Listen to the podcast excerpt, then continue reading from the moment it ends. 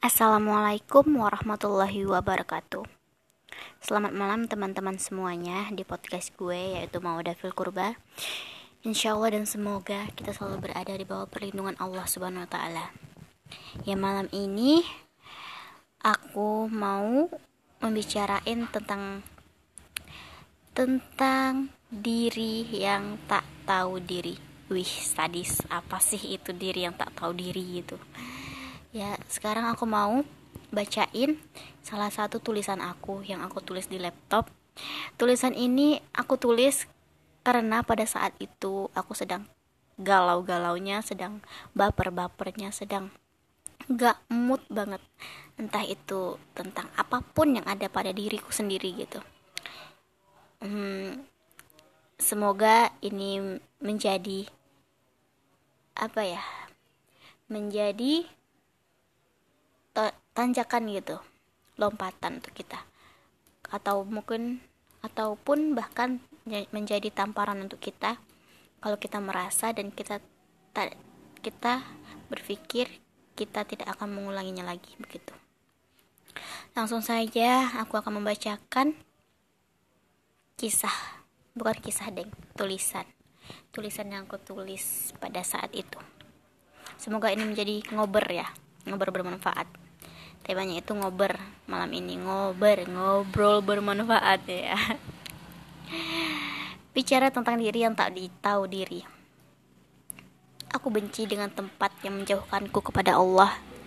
Karena sifatku yang mudah terbawa arus. Ketika sudah terlalu jauh dan banyak masalah menghampiriku barulah aku sadar. Memang begitu sifat manusia. Mau dibilang apa lagi tapi kalau manusia yang cerdas, yang berpendidikan, tak akan mau mengikuti alur zaman yang dia sendiri tahu, itu dapat menjerumuskannya kepada ketidaktaatan.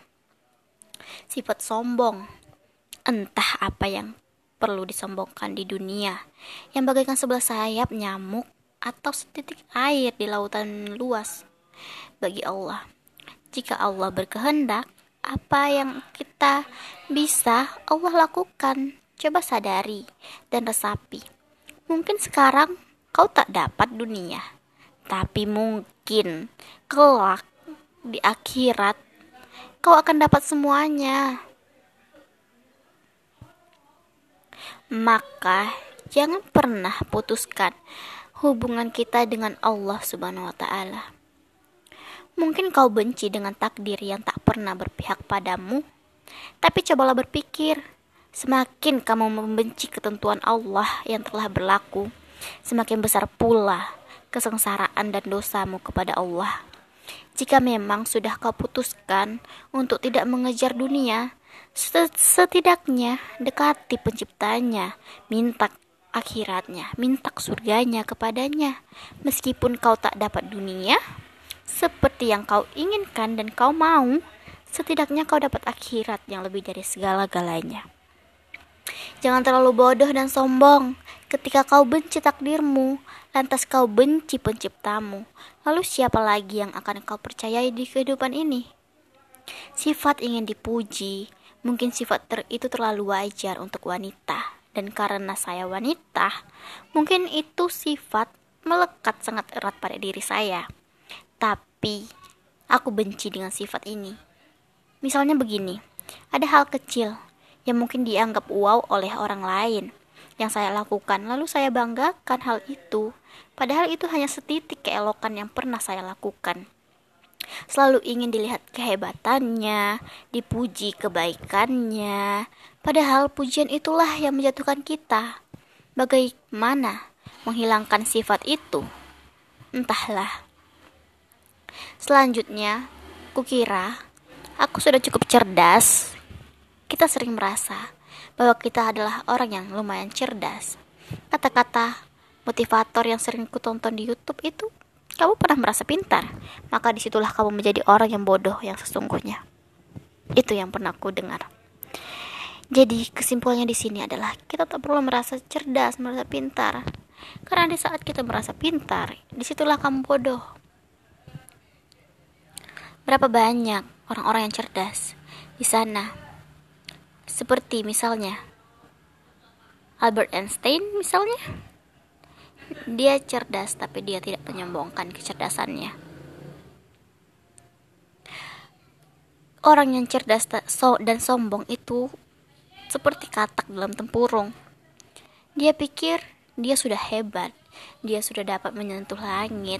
Padahal dia hanya diam, diam dalam tempurung Wah, pas waktu dia keluar, dia lihat siapa yang lebih tinggi, siapa yang lebih besar, dan siapa yang bisa menyentuh langit. Dia hanya sebagai bet, sebagian kecil makhluk di muka bumi ini. Maka jangan pernah merasa hebat dan sombong, padahal kamu tidak pernah melakukan apa-apa. Ya, sekian itulah tulisan tulisan apa ya tulisan kacau tulisan baper dari saya. Jika ada baiknya diambil. Jika ada buruknya silahkan dibuang jauh-jauh. Baiklah teman-teman, saya kira segitu aja yang bisa saya sampaikan pada malam ini. Karena hmm, tugas saya numpuk tapi saya tak coba untuk kerjakan dasar saya, dasar diri yang tak tahu diri.